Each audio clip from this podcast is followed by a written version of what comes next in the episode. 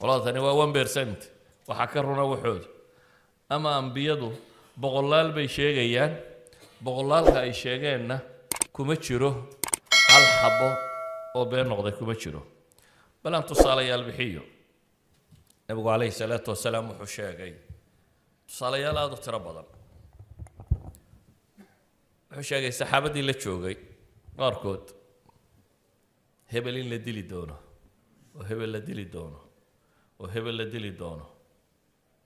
Wuxuu yidhi cumar waa la dilayaa oo cuhmaan waa la dilayaa oo cali waa la dilayaa oo talxe waa la dilayaa oo zubayr waa la dilayaa waa saxaabo nooloo la joogtuu intiinaasiba si kale u dhiman maysaan shuhadaa noqonaysaan.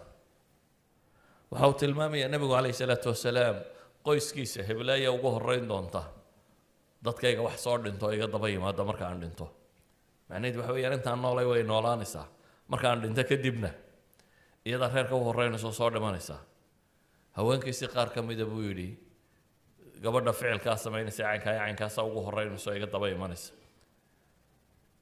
Haweenkiisii qaar ka midu wuxuu ku yidhi adigu maka ku dhiman maysid maka naftu kaaga bixi mayso. Inanku awowga u ahaabuu wuxuu yidhi isaga waa la dili doonaa. Meel ciid caso caynka iyo caynkaasaa lagu dili doonaa saxaabadiisa qaar ka miduu yidhi adigu keligaa baad cidlo ku go'i doontaa. Keligaa ayaad cidlo ku go'i doontaa. Keligaana aakhira waa lagu soo saari doonaa. Gaalada qaar ka mida buu yidhi adiga annagaa ku dili doonaa. Muslimka gacantiisaad ku dhiman doontaa. Gaalada qaar ka mida buu yidhi idinka adigu iimaan la'aan baad ku dhimanaysaa. Weligaa islaami maysid sidaa adigoo ah baad dhimanaysaa kuwa muslimiinta la dagaal dagaalgaloo la socdo buu yihi kani hebel waa ahlunaar isagu. Weligiibaa safka jihaadka ha galo waa ahlunaar oo muuqatay ahlunaarnimadiisa markii dambe la arkay. Yacni wax tiro badan siiba arrinta geeridu waa waxa ugu adaga laga warramo. Geeri cidima taqaano. In allaha cindahu cilmu saaca wayunazilu lgayta wayaclamu ma fi larxaam wama tadri nafsun maada taksibu gada wamaa tadri nafsun biayi ardin tamuut nafina ma ogabaa ilahay yidhi meeshay ku geeriyoon doonto haddaba nebigu calayhi salaatu wasalaam dadbu wuxuu sheegay wakhtiga ay dhiman doonaan ama qaabka ay u dhiman doonaan ama meesha ay ku dhiman doonaan waxaasina waxay tilmaamayaan inay ka mid tahay dalaa-ilu nubuwati waxyaaba caddaynaya nebinimadiisa tusaale qur'aan ugu horraysiino nebi maxamed calayhi salaatu wasalaam qurayshtii uu la noolaa. Markii hore way ka wada hor yimaadeen. Dad badan oo quraysha baa si toosa nebiga uga hor yimi calayhi salaatu wasalaam dadkii ka hor yimi qaar ka midu wuxuu yidhi idinku gaalnimada ku dhimanaysaan. Qur'aan baa soo degay sidaa sheegaya. Welina waynu akhrinaa qur'aanka. Dhammaanteen waynu wada akhrinaa maxay? Tabat yadaa abi lahabin watab ma aghnaa canhu maaluhu wamaa kasab sayaslaa naaran daata lahab wamra'atuhu xamaalat alxatab fii jiidiha xablu min masad. Ilaahay wuxuu leeyahy waxaa hoogtay labada gacmood ee abi lahab. Wuxuu xoola kasbaday iyo wuxuu haystay waxba kama deeqin naar buu geli doonaa huraysa ololaysa isaga iyo haweentuu qabaaba. Isaga iyo haweenaydiisuba quraysh dad badanoo qurayshaan la noolaa oo nebiga qaarkood dhowr iyo labaatan sannadood dagaal kula jireen haddana qur-aanku mu odhan idinku gaalnimaa ku dhimanaysaan matala abu sufyaan dee koob iyo labaatan sannadood buu nebi maxamed la dagaalamayay oo ciidan hogaaminayay soo maaha مثلا خالد بن الوليد تسقال يطبن سنضود بن النبي محمد لدقالمي مثلا عمر بن sagaal-iyo toban sannadood buu la dagaalamayay fatxu maka dadkii islaamay oo dhami koob iyo labaatan sannadood bay nebiga ka soo horjeedeen kuwaasoo dhan lama odhanin idinku gaalnima ku dhimanaysaa kan iyo gabadhiisa inta gaar loo qabtay ninkan iyo xaaskiisa waxaa la yidhi idinku ahlu naarka ka midti iyagoo weliba kuwii nebiga ugu dhowaa. Waa nebi maxamed adeerkii habiilahab waa nebi maxamed adeerkii cidi hadday raacaysa waxaad eegi lahayd qofka dadka ugu dhodhow iyo qaraabada iyo kuwan inay noqdaan kuwa ugu horumeeya haddana ilaahay wuxuu leeyahay idinku. Walidalik waa mucjisa min mucjisaati muxamedin calayhi salaatu wasalaam. Abi lahab hadduu mar qura yidhaahdo laa ilaaha ila allah xataa munaafiqnimo hadduu yidhahdo waxaa la odhan lahaa qur'aanku waa been. Waayo soo kaa shahaatay baa la odhan lahaa. Abi lahab waa lagu kari waayey war laa ilaaha ila allah dheh mara waaxida hadduu laa ilaaha ila allah yidhaahdo walidalik bay mufasiriinta iyo culammadii muslimiinta hore ibnu kathiir iyo ay u daliishanayeen bale gary miller gary miller waa nin professor ah oo catholic ahaan jira oo muslim hadda ah ayay qolo masiixiyiin waxay yidhahdeen any prophecy sheeg bal wax uu saadaaliyey nebi maxamed oo dhacay sheeg markaasuu intuu suuraddan sheegaa buu leeyahy beedkiisoo dhan nebi maxamed sallad quru ku riday mar qura hadduu odhan lahaa buu leeyahy abi lahab laa ilaaha ila allah waxaa la odhan lahaa qur'aanku waa been. Waxba kama jiraan qur'aanka ilaa qiyaami saaca la akhrinaya wuxuu sheegayaa abi lahab inaanu marnaba islaami doonina inuu yahay maxay? Ahlu naar inuu yahay. Idan waa daliil sheegaya. Balan sunnadana eegna haddaba. Dagaalkii beder markii la geli doono maalintii dagaalku dhacay maalintii ka horreysay ayaa nebigu calayhi salaatu wasalaam dhulkuu jeexjeexay. Meeshii goobtii dagaal ka dhici doonto. Dabeetana intuu meel calaamadiyaa buu yidhahdaa halkaas hebel baa la dhigi doonaa. Waa gaalada madaxdeedii mid ka mid ah. Wuu ka tagayo meel kaluu calaamadiya wuxuu yidhahaa halkaa hebel baa berri lagu dili doonaa. Hebel baa la dhigi doonaa. Wuu ka tagaa wuxuu calaamadiyaa meel kale wuxuu idhahdaa halkaa hebel baa la dhigi doonaa. Anas ibnu malik baa wuxuu leeyahy famaa maata axaduhum can mowdici yadi rasuuli illaahi sala allahu alayh waalih wasalam xadiiska saxiixa muslim ku qora mid kama dhaqaaqin buu leeyahay halkii uu nebigu yidhi halkaasaa la dhigi doonaa hebel cumar bnu lkhadaab baa wuxuu leeyahay xadiiska isna muslim ku qoran fawladii bacaahu bilxaq ma akhta'u lxuduud alatii xadda rasuulu llahi sala allahu alayh waalih wasalam mid quri ma dhaafin xadkii uu nebi maxamed u xadeeyey waa dagaalka berrita dhici doona dadka la dili doono iyo barta lagu dili doono nebi maxamed tilmaamaya. Inay berrita hebel iyo hebel iyo hebel dili doonaan. Nin walibana goobta lagu dili doonaa inuu yahay boosku ku dhiman doonaa kaa halkii baanay ku wada dhinteen. Waxay tilmaamaysaa nebiga calayhi salaatu wasalaam nebinimadiisa. Bal eh galada kale uu tilmaamay waxaa ka mid ah saxaabi la yidhahdo sacad ibnu mucaad iyo waxaa saaxiib ahaan jiray nin gaalada ka mid oo umayata bnulkhalf la yidhaahdo sacad ibnu mucaad waa odayada reer madiina. Markuu umayata bnulkhalf ama shaam ama meelaha ku socday uu madiino soo maray wuxuu ku degi jiray sacad ibnu mucaad. Sacadna markuu cimro tago fi ljaahiliya waa la cimraysan jiray waana la xaji jiray waa diintii nebi ibraahim waxyaabihii ka hadhay. Marka uu xagga tago waxa uu ku degi jiray umayata bnulkhalf sacad baa soo cimro tegey. Umayuu ku soo degay dabeetana umayuu yidhi bal wakti aan cimraystoo dawaafay eeg goor duhurka dhowaada buu yidhi iminkay meeshu yaro faaruqtay ina keen. Markuu is yidhi soo dawaaf. Oo uu meesha marayo ayay abujahl isku soo baxeen abujahalla waa garanaya war waa kuma ninkani maasaa la yidhi waa sacad ibnu mucaad sacad baaba maanta. Waana colaaddii muslimiinta iyo gaalada waa socotaa. Waa laba magaalo aan isu gudbin. Sacad baa maanta intuu maka yimaado xorriyad u dawaafaya buu leeyahy sacadna wuu xanaaqay. Dabeetana isna erayo kulul buu ku yidhi. Markii abujahal iyo sacad afka isla dhaafeen oo wada hadleen ayuu umaya baa wuxuu yidhi sacadow ninkani waa odaygii make saa hawla hadleen abujahal buu leeyahy aan erayadaa lagu odhan waa odaygii make sacad baa cadhadii wuxuu yidhi wallaahi adigana nebi maxamed wuxuu noo sheegay inaynu ku dili doono adu waxaad ka hadlaysaa waxaad ka hadlaysaa abujahale adna in lagu dili doono markaasu wuxuu yidhi umaya fii maka ma makaa laygu dilayaa intuu naxay waayo nebi maxamed inaanu been sheegin way yaqaane war ma makaa laygu dilayaa buu ku yidhi. Markaasuu yidhi garan maayo. Laa adri. Markii ay dawaafkiiyo ka soo noqdeen ee guriga ku soo noqdeen ayuu umaya la hadlay xaaskiisiiyo wuxuu yidhi umu safwaanay ma maqashay? Sacad wuxuu yidhi muxuu yidhi bay tidhi wuxuu sheegay inuu maxamed u warramay inay i dili doonaan dabeetana waxaan weydiiyey ma makay igu dilayaan? Wuxuu yidhi ma ogi. Haddaba ilaahay baa ku dhaartay in aanu weligiiba maka ka baxayn. Ninkii u tagaba ha dilaan. Yacni anuu makaa maka dhaafi maaya buu yidhi. Dagaalkii beder markii uu dhici doono ee quraysh war uu yimi safarkiini iyo awrtiini oo dhan muslimiinta qaadatay uu war uu soo galay ayaa abijahal ciidanka ururinayay. Dagaalkii beder ciidanka ka qayb geli doona umaya u yimi umayata bnu lkhalf dabeetana wuxuu ku yidhi umaya soo bax umaya wuxuu yidhi war anigu bixi maayo anigu waa iska joogaya.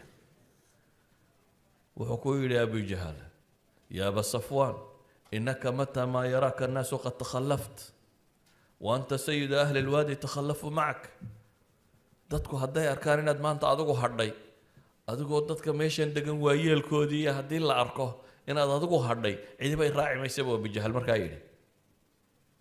Adigu dee dadku aday ku eeganayaan buu leey haddaad adigu hadho yaa baxaye kale. Soo bax buu yidhi.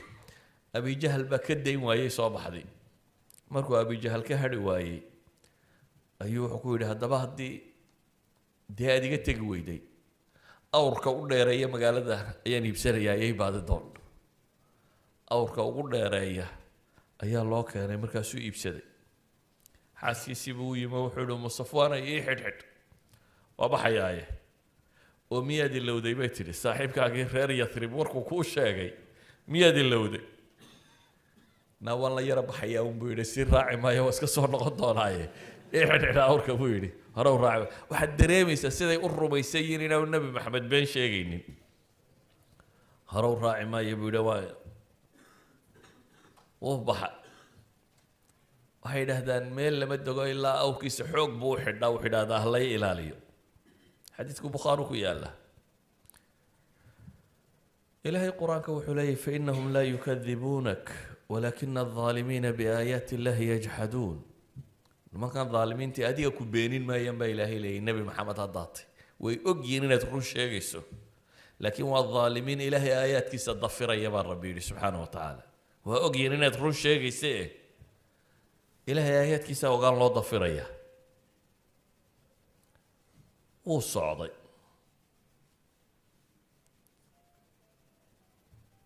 Akhiiran. Wuxuu ka mid noqday umaya raggii lagu dilay dagaalkii beder waliba qiso dheer buu leeyahay dagaalkiisu laakiin wuxun baan uga socdaa uun. Siduu u rumaysnaa warka nebi maxamed calayhi salaatu wasalaam uu sheegayo iyo sida aanu u beenin karin ee halkii uu nebi maxamed sheegay loogu dilayo. Wuxuu ka mid noqday raggii la dilay. Waxyaabuu nebigu sheegay calayhi salaatu wasalaam waxaa ka mid ah nin muslimiinta dadkii la socday dagaalamaya ka mida buu ku yidhi hada min ahli naar kani waa ahlu naar. Abaa hurayra wuxuu leeyahay ninkii intuu dagaalamay oo dadka barshakiyeen boo yidhahdeen ma ninkan sidaan u diriraya muslimka sidaan u difaacaya ahlu naara? Ayaa la yidhi hebel maanta wuu dagaalamo si u dagaalamayo wuu dhintay. War abaa timi. Markaasaa dadkii shakiyeen ninka dagaalka ku dhintay jihaatamay baa la leeyahy waa ahlu naar. Dabeetana kadib baa warkii beenoobo la yidhi war ninkii uma dhimanin ee waa dhaawac culus oo waa jiifaa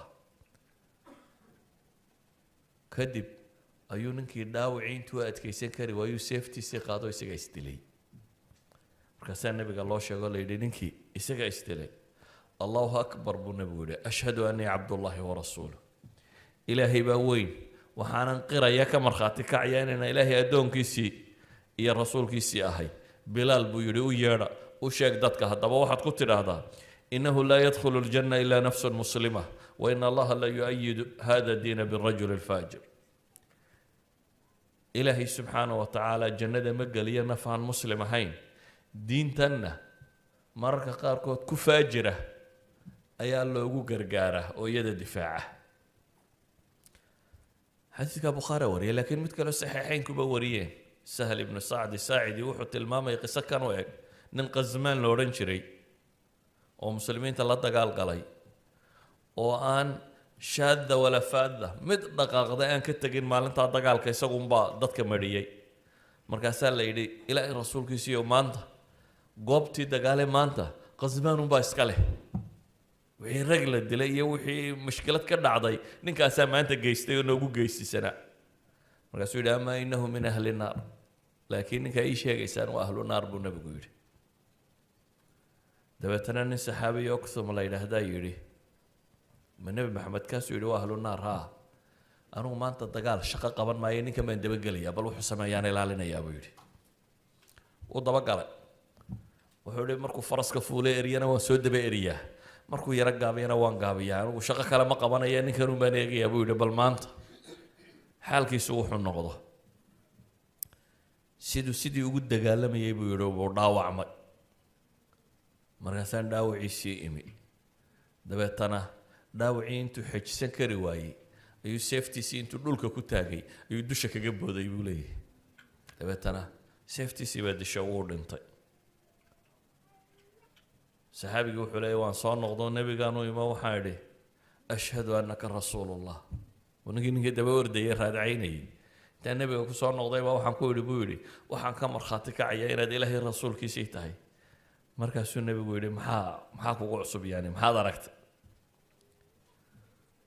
dabeetana wuxuu sheegay ninkii inuu maantaba daba socday aakhirkiina ninkii isagu isdilay.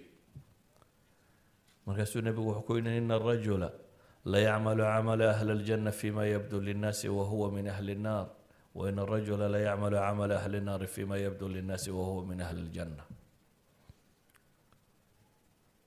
dadka badhba sida dadka u muuqata ahlu jannaa camalkooda sameeya ilaa xagga dambe marka la gaadho ay ka weecdaan oo ay ahlu naarka ku biiraan.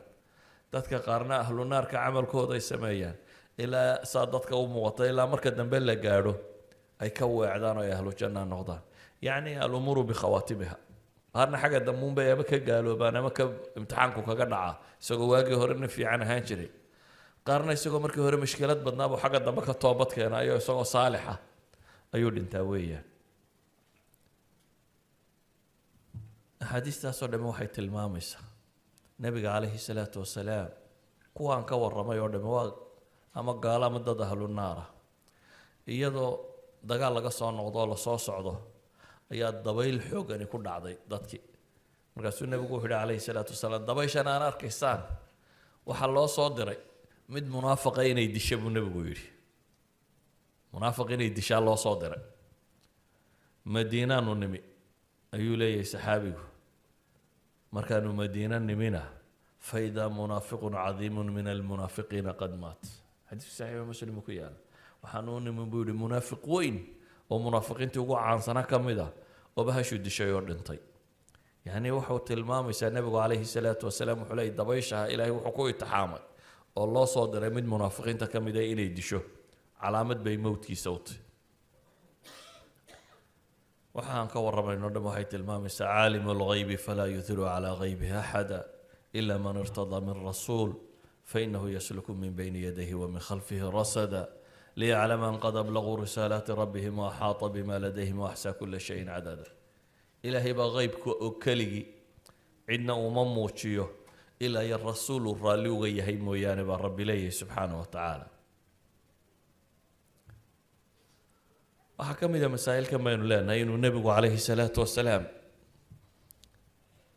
xiraa ayuu fuulay. Waa jabal min jibaal maka isagoo fuushan oo ay la socdaan abubakar iyo cumar iyo cuhmaan iyo caliy iyo talxa iyo zubayr ibnu lcawaam waa raggii casharat lmubashiriin group ka mid iyadoo ay la socdaan.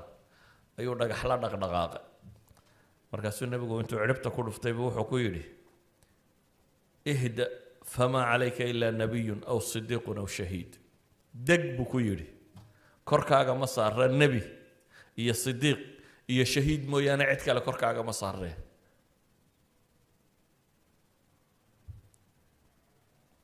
anas ibnu maalik xadiid kaloo bukhaari warinaya kaasi saxiixu muslimku ku yaallay baa wuxuu sheegayaa jabal uxud buu nebigu fuulay isagoo ay la socdaan abibakar iyo cumar iyo cuhmaan saddexdaasi uunbuu sheegay marka kan. Markaasuu gariiri buurti. Markaasuu nebigu cagta ku dhuftay. Dabeetana wuxuu yihi uhbut uxud uxuday sugan. Fainamaa calayka nabiyun wa sidiiqun wa shahiidaan. Waxaa korkaaga saaran nebi iyo sidiiq iyo laba shahiid. Afartaasaa korkaaga saaranee deg buu nebigu ku yidhi calayhi salaatu wasalaam yani xadiidku wuxuu tilmaamayaa inuu nebi maxamed nebi yahay. Kow abibakarna inuu sidiiq yahay. Goob dagaal in aanu ku dhimanaynin. Labada saxaabiya kalena in la dili doono. Gacanka gardarani inay dili doonto. Intaasiba waxay sheegaysaa inuu yahay maxay?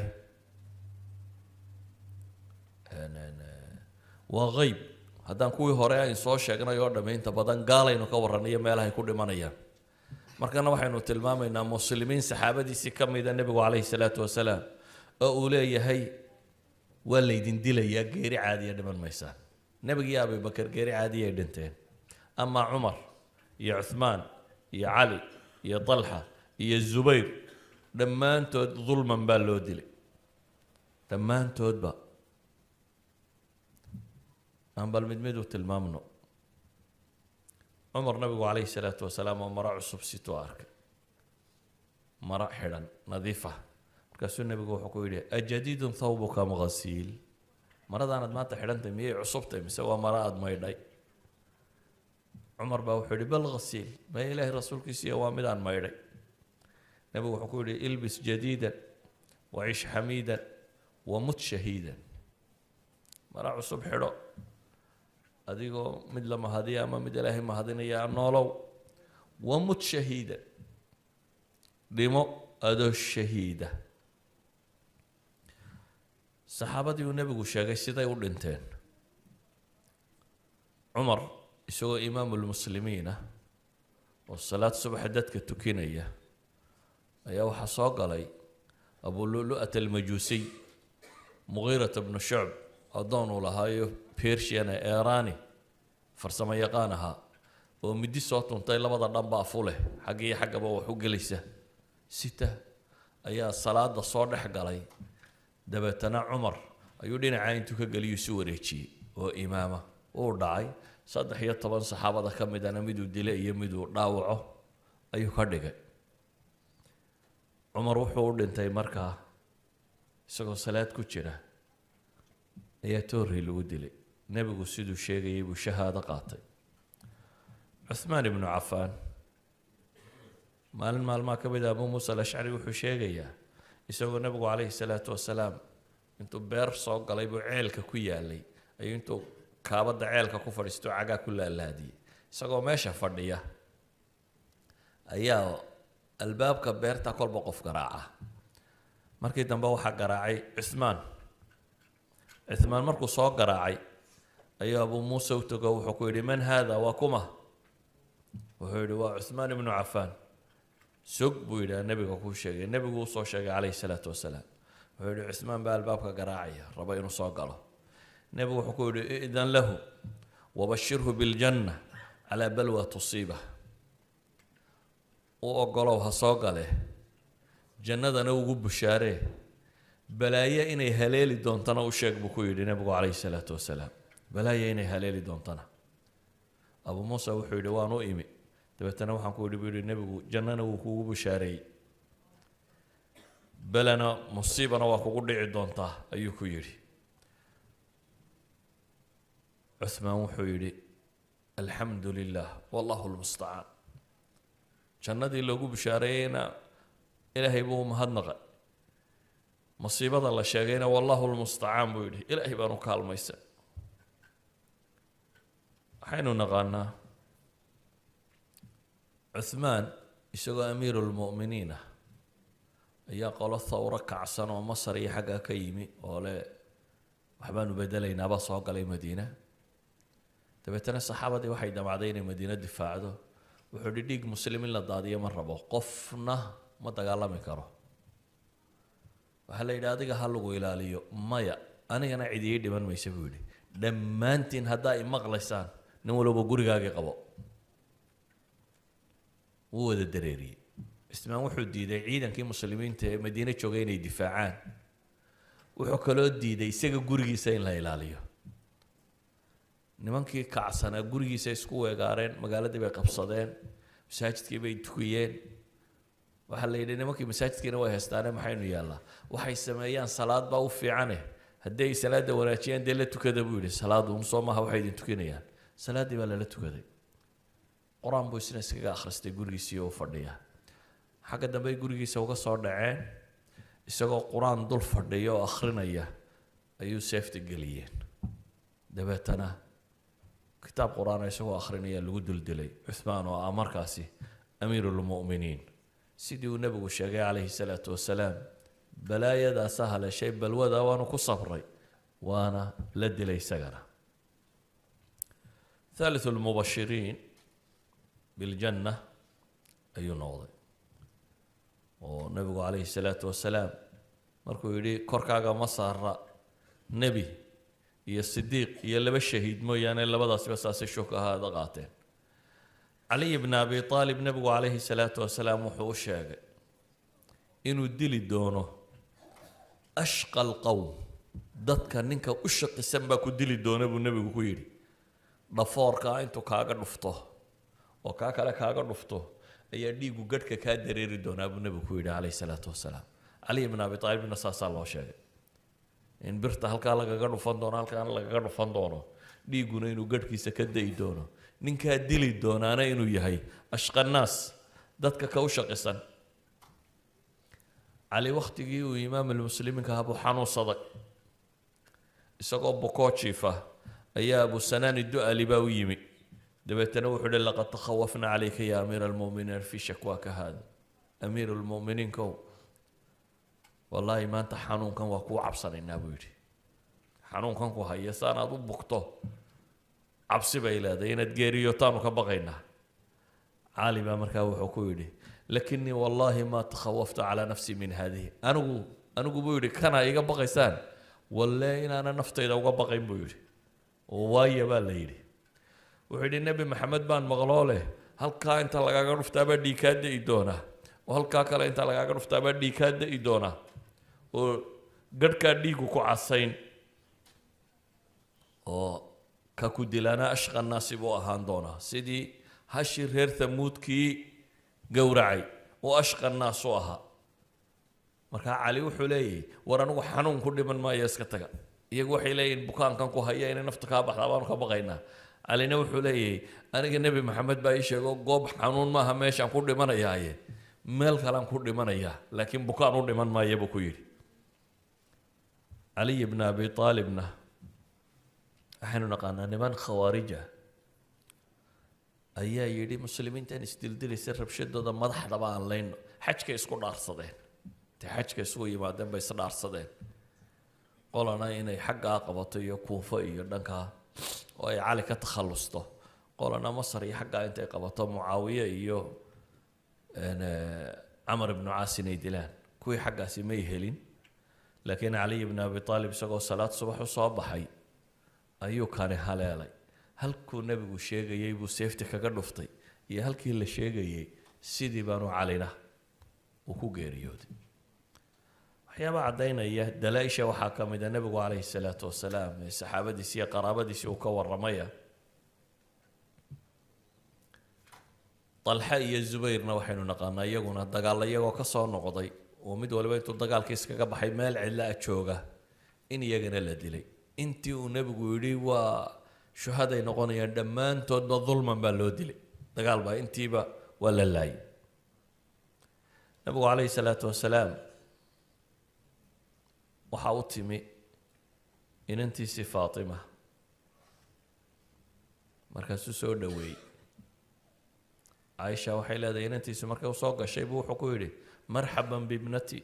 Soo dhowow inantaydiiye dabeetana dhinaciisuu fadhisiiyey war buu u sheegay markaa inantiisii. Caaisha maqli mayso meeshay fadhidaana. Markaasay oyde waa faatimaa u timi nebiga calayhi salaatu wasalaam nebigu wuu soo dhoweeyey. Markii ay la fadhiisatayna war buu u sheegay. Way oyday markaasuu haddana war kale u sheegay. Markaasay qosashay. Goob quray oyday oo qososhay caaisha waxay tidhi weligay farxad iyo oohin isdaba socda oo intan isu jira. Maan arag bay tidhi. Muxuu kuu sheegay bay ku tidhi. Faatima waxay tidhi sirta nebiga faafin maayo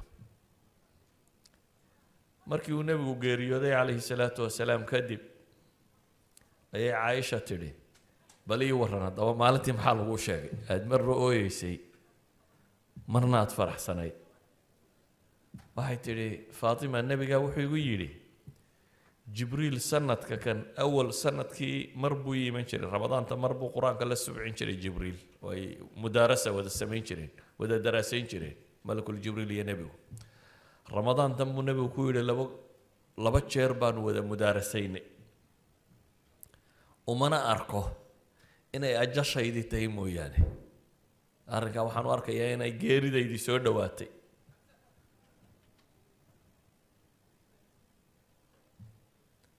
adiguna waxaad noqon doontaa ehelkayga qofka ugu horreeya iga daba yimaada. Aniguna waan dhimanaya adna waad iga soo daba dhiman doontaa markaasay oyde markaasuu ku yidhi miyaanad raalli ka ahayn inaad sayidatu nisaai ahli ljanna noqoto dumarka jannada gabadha hogaaminaysa inaad ahaato ama nisaa-ulmuminiin inaad sayidadooda ahaato markaasay farxaddii qosashay yacni marna wuxuu nebigu u sheegay inuu isna geeriyoonayo iyana ka daba iman doonto marna wuxuu u sheegay maxay inay ahlu janno tahay marna waa ku faraxday marna waa oydi nabigu calayhi salaatu wasalaam wuu dhintay faatimana lix bilood bay noolayd nebiga gadaashi. Lix bilood kadib ayay ka daba geeriyootay idan xadiidkani saddex shay buu tilmaamayaa. Wuxuu sheegayaa faatima inaanay dhiman doonin nebigoo dhinta mooyaane. Nebigu inuu hor dhiman doono waanu hor dhintay. Waxay kaloo sheegaysaa reerkiisa qofka ugu horreeya ee ugu soo dhiman doona nebiga gadaashi qofka ugu hor dhiman doona faamiliga nebi maxamedna inuu yahay maxay? Faatima. Iyadaana u hor dhimatay. Wuxuu kaloo sheegayaa inay sayidatu nisaai ahl aljanna tahy in allah waana tahay. Waxyaabaha tilmaamaya waxaa ka mid ah faamiligiisa ku saabsan. Nebigu calayhi salaatu wasalaam haweenkiisii mid ka mid ah oo maymuuno la yidhaahdo ayuu wuxuu yihi maymuuna adigu maka ku dhiman maysid? Adigu meesha lagugu aasayaa? Aada ku dhimanaysaa maka maaha. Maymuuna waa dambe xanuunsatay. Maka iyadoo joogtay xanuunsatay. Markaasaa xanuunkii ku adkaada. Naftaa ka bixi weyday. Dabeetana dadkiiba u yeedha waxaa ku tiri war dhegaysta. Nebi maxamed calayhi salaatu wasalaam wuxuu ii sheegay maka inaan naftu igaga baxaynin. War meeshan ha layga qaado waa la qaaday markii la marinayey abu sarif sarif waa meeshuu nebi maxamed ku aroostay iyada markuu guursanayey iyadoo xagga loo soo socdo. Sarif geedkaa markay maraysay baa la hoos dhigay. Dabeetana halkaasaa naftu kaga baxda siduu nebigu sheegay maka waa naftu kaga bixi weyday. Markii laga saarayna halkii loo sheegay bay naftu kaga baxday dadku geeridooda ka warramay nebigu calayhi salaatu wasalaam waxaa ka mid ah inankiisii xuseen ahaa yacni inanku awowga u ahaa ee inantiisu dhashay faatima dhashay alxuseen ibnu alcaliy ayaa soo galay. Wuxuu leeyahay nebigu calayhi salaatu wasalaam isagoo haweenkiisii mid ka mida la jooga laqad dakhala calaya albeyta malakun lam yadkhul calaya qablaha. Maanta waxaa iigu soo galay guriga malag aan weligii hore igu soo gelin malagii ii yimi buu nebigu leeyay wuxuu ii sheegay ina bnaka haada xuseynun maqtuul. Inankaaga kan ah ee xuseen ah waa la dilayaa buu igu yidhi buu yidhi. Haddaad rabtana weliba waxaan ku tusi doonaa meesha lagu dilayo ciiddeeda. Dabeetana ciid cas buu itusay buu nebigu yidhi calayhi salatu meeshuu nebigu jooga ma aha ciid cas ma leh. Malag baa ii yimo wuxuu ii sheegay inankan aan awowga u ahayn la dili doono wuxuu kaloo ii sheegay meesha lagu dilayaa inay tahay meel ciid cas leh. Xadiidku imaamu axmed iyo xaakim baa wariyey sheekh albaanina waa saxiix buu leeyahy hijradii nebiga lixdan sano kadib ayaa la dilay xuseen. Waxaana lagu dilay maxay? Karbala meeshan ay shiicadu iminka isku tuntunto. Halkaasaa lagu dilay. Meel ciid cas leh oo karbala la yidhaahdo ayaa lagu dilay waxyaabuu nebigu sheegay waxaa ka mid a calayhi salaatu wasalaam. Waxaa jirtay qof dumar oo muwariqa la odhan jiray bintu cabdallah binu xaarith oo nebigu islaantan jimco kasta wuu soo booqan jiray. Markay salaada jimco tukadaan ayuu wuxuu ku odhan jiray saxaabadiisa kuwa la socda markaasi intaliqu nazuru shahiida. Inakeena aan soo booqana gabadhii shahiidadda ahayd. Waa qof dumar ah. Waxaanu nebi maxamed leeyahay waa shahiidad ee aan soo booqana inakeena islaantani nebiga waxay ku odhan jirtay calayhi salaatu wasalaam ilaahay rasuulkiisiiyo ii ogolo waan dagaalka idin raace iska joog marka la yidhahdan waxay tidhahdaa xataa haddaanan dagaalka gelin kiina dhaawacma kiina xanuunsada kiina kuwaasaan caawin doona oo dagaalka wuxuu mantari doonaaye ii ogolo waan ku raace anigana waxaa laga yaabaa bay tidhaahdaa goobaha aanu idinku caawinayo in ilaahay shahaado igu siiyo oo aan shahiid ku noqdo. Nebigu wuxuu ku yidhi calayhi salaatu wasalaam qarri fa in allaha caza wajalla yuhdi laka shahaada. Fadhi gurigaaga. Ilaahay adiga gurigaagu shahaado kuugu keenayahay iyadu waxay leedahay aan goob dagaal tago. Nebiguna wuxuu yihi calayhi salaatu wasalaam qarri nagow. Gurigaaga ku nagow. Halkaagaad shahiidnimada ku helaysa. Qofkan dumari xilligii nebiga way noolayd xilli abuubakarna waa noolayd.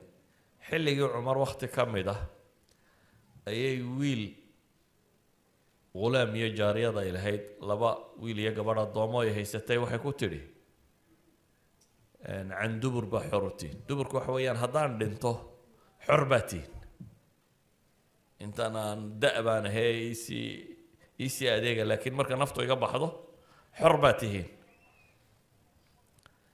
dabeetana waxay idhahdeen islaantani hore u dhiman mayse maxaynu yaallaa wiil iyo gabadhii wiil iyo gabadhii waa u tashadeenoo qadiifad yaroo guriga taallay bay ku baktiyeen hunaa kaga qabteen. Dabeetana intan waa dileen. Halkeedaasaa ilaahay shahaadadeedii uu ku siiyey. Waa haweenay uu nebi maxamed leeyahy adiga waa lagu dili doonaa. Waana haween. Haweenku waa dadka ugu foge maxay? Dil ku dhinta waxyaabuu nebigu sheegay calayhi salaatu wasalaam waxaa ka mid a ghaswatu tabuuk oo dadka badhadheen ayaa qof soo bidhaamay meel fog ka muuqday dabeetana wuxuu yihi nebigu yihi kun abudar abudar ahaw qofkaa soo socdow markay saxaabadii u fiirsadeenna waxay dhahay huwa wallaahi abudar in ilaahi rasuulkiisiiyo kan soo socda waa abudar waxaa la sheegay inuu nebigu yidhi ilaahay abudar ha u naxariisto. Keli buu socdaa. Kelina wuu dhiman doonaa. Kelina waa la soo saari doonaa. Sanadka xadiidka muxadisiinta badh baa ka warama muxadisiinta badhna waxay ku tilmaamaan inuu xasan soo gaadhaya baa filaya. Abudar saynu naqaano noloshiisa intii u dambeysay rabda meel la yidhaahdo gaaru keligii degay dabeetana halkaasaa hooyadii ku haysay maalintii dambe ayuu bukoodo naftu qabatay hooyadii baa markaa waxay oyday. Wuxuu markaa yidhi hooye maxaad la ooyeysa waxay tidhi wamaa li laa abki wa anta tamuutu bifalaatin min alardi walaa yadda lii bidafnik walaysa cindii thawbun yasacuk maxaan u ooyi waayey bay tidhi meel cidlaa baad ku dhimanaysaa kuma xabaali karaan iyo awood kuuma hayaan kugu xabaalo. Xataa maro kuleego aan kugu kanfana ma haya bay tidhi. Maro kuleego aan kafan kaaga dhigana ma hayo. Waa hooye wiilkeedii sakaraad yahay oo markaasi barooranaysa. Wuxuu ku yidhi hooyay ha ooyin. Waxaan maqlay nebiga calayhi salaatu wasalaam oo anagoo kooxa nagu yidhi nin idinka mid ah. Kooxdayadii wuxuu ku yidhi nin idinka mid ah ayaa wuxuu ku geeriyoon doonaa bifalaatin min alard dhul cidlo ah. Waxaase meydkiisa aasi doona koox muslimiinta ka mid ah ayaa uu iman doonta. Raggii maalintaa aan wada joognay uu nebigu nagu yidhina dhammaantood magaalay ku dhinteen. Anuunbaa hadhay oo ah kii cidlada ku dhimanaya nebigu sheegayay. Koox baana ii iman doontee waxba ha ka warwarin buu ku yidhi. Culamada taarikh waxay wariyaan saxaabigii la odhan jiray cabdillaahi bnu mascuud oo koox wata. Oo dhankaasi u socda madiine mise xajka dhankaa u socda ayaa meel bannaan soo maray. Dabeetana qof dumar oo meel taagan bay arkeen oo waa ku soo weecdeen maxaa jira waxay tidhi nin baa halkan ku dhintay waa kuma waa nin abudar la yidhaahdo. Ibnu mascuud ayaa markaa qiirooday oo leh ilaahay rasuulkiisii baan maqloo leh abudar keligaa baad socon keligaa baad cidlo ku dhiman keligaa baa ilaahay ku soo saari doona. Waxaan maqlay nabiga calayhi salaatu wasalaam oo caynkaa leh. Cisaaba min almu'miniintii uu abidar sheegayey. Oo cabdillaahi ibnu mascuud saxaabiga la yidhaahdaa hogaaminayo ayaa aasay markaas. Nabigu calayhi salaatu wasalaam wax badan buu ka warramay. Waxaa ka mid ah najaashi boqorkii la odhan jiray ee dhulka xabashida joogay maalin maalmaha ka mida buu nebigu calayhi salaatu wasalaam saxaabadiisii wuxuu ku yidhi waxaa dhintay najaashi oo nin muslima ah soo baxa salaatu ljanaasa cala alghaa'ib baynu ku tukaninaye dabeetana intuu saxaabadiisii safay ayuu afar takbiiradood salaatu ljanaasa buu nebigu ku tukaday calayhi salaatu wasalaam. Maka iyo madiine iyo meesha uu ku dhintay najaashina etoobiya ku dhintay dee. Nebi maxamedna madiinuu joogaa warku bil buu kala socon karaa. Waxaanu sheegayaa nebigu calayhi salaatu wasalaam inuu meeshaasi ku geeriyooday. Yacni waxyaabaha nebigu ka warramay qeybkii aada bay u tiro badan yihiin. Axadu saxaaba baa wuxuu leeyahay maalin buu nebigu istaagay. Salaadii subax. Markuu tukiyey buu khudbad fuulay siduu u waday ee loo dhagaysanayay buu duhur tukaday. Markaasuu nebigu haddana kacay. Khudbaddii buu waday. Sidii loo dhagaysanayo casar tukaday. Markaasuu haddana nebigu kacay. Khudbaddii buu waday. Siduu u waday bay cadceedda ku dhacday oo maqrib lagu tukaday. Xudayfata bnulyamaan baa wuxuu leeyahay wax dhici doona ilaa qiyaamaha kama tegin ilaa iyo nebigu wuu ka warramay calimahu man calima wa jahilahu man jahila. Kii gartaana waa gartay kii yacni saan u kala xifdi badnayn unbaan maalintaa uqa laakiin maalintaa dhan wuxuu ka warramaya nebigu waxa dhici doona ilaa qiyaami saaca buu saxaabada u sheegay.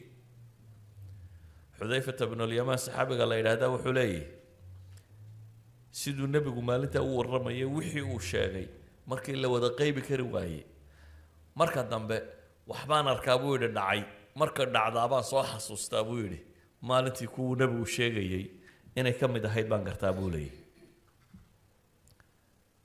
camar ibnu akhtab ilansaariyi saxaabiga la yidhaahdo ayaa isna xadiis macnahaas oo kale sheegaya ilaa qiyaamu saaca waxaa dhici doona inuu nebigu nooga warramay fa aclamuna axfaduna buu yidhi maalintaa ninka noogu cilmi badnaa wuxuunbuu ahaa ninkii maxay?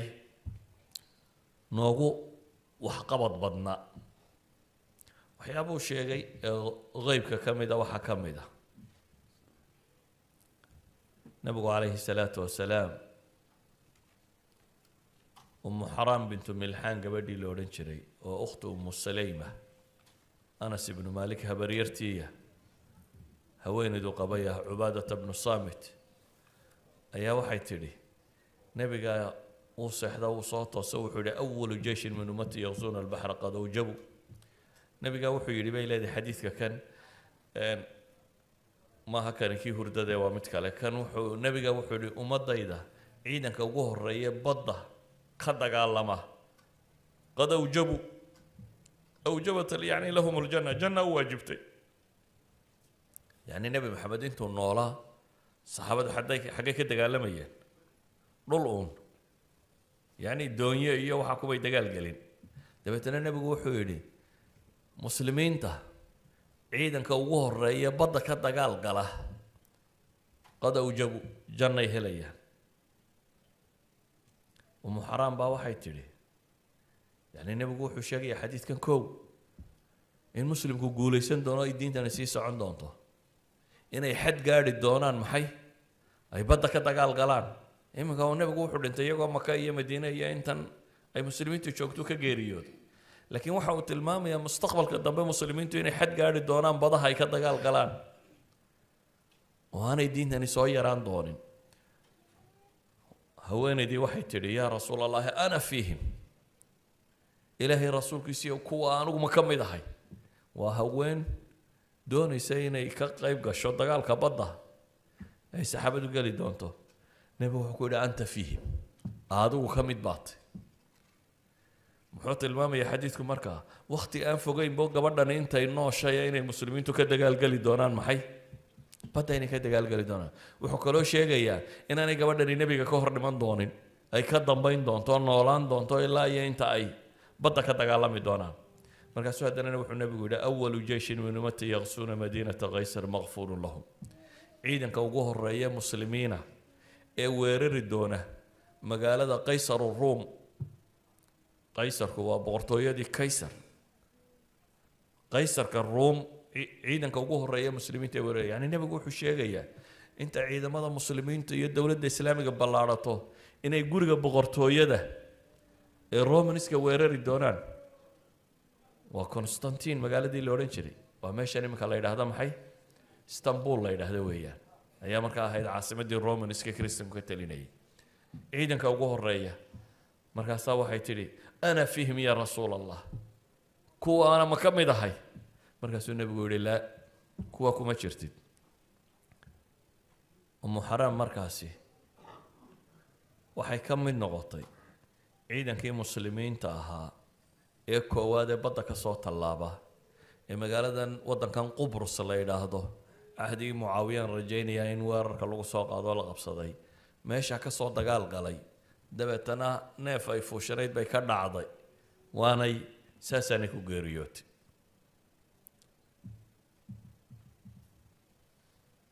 haddaynu isdhaahno wada waxaan u malaynaya ilaa galabta inaynu wadi karno.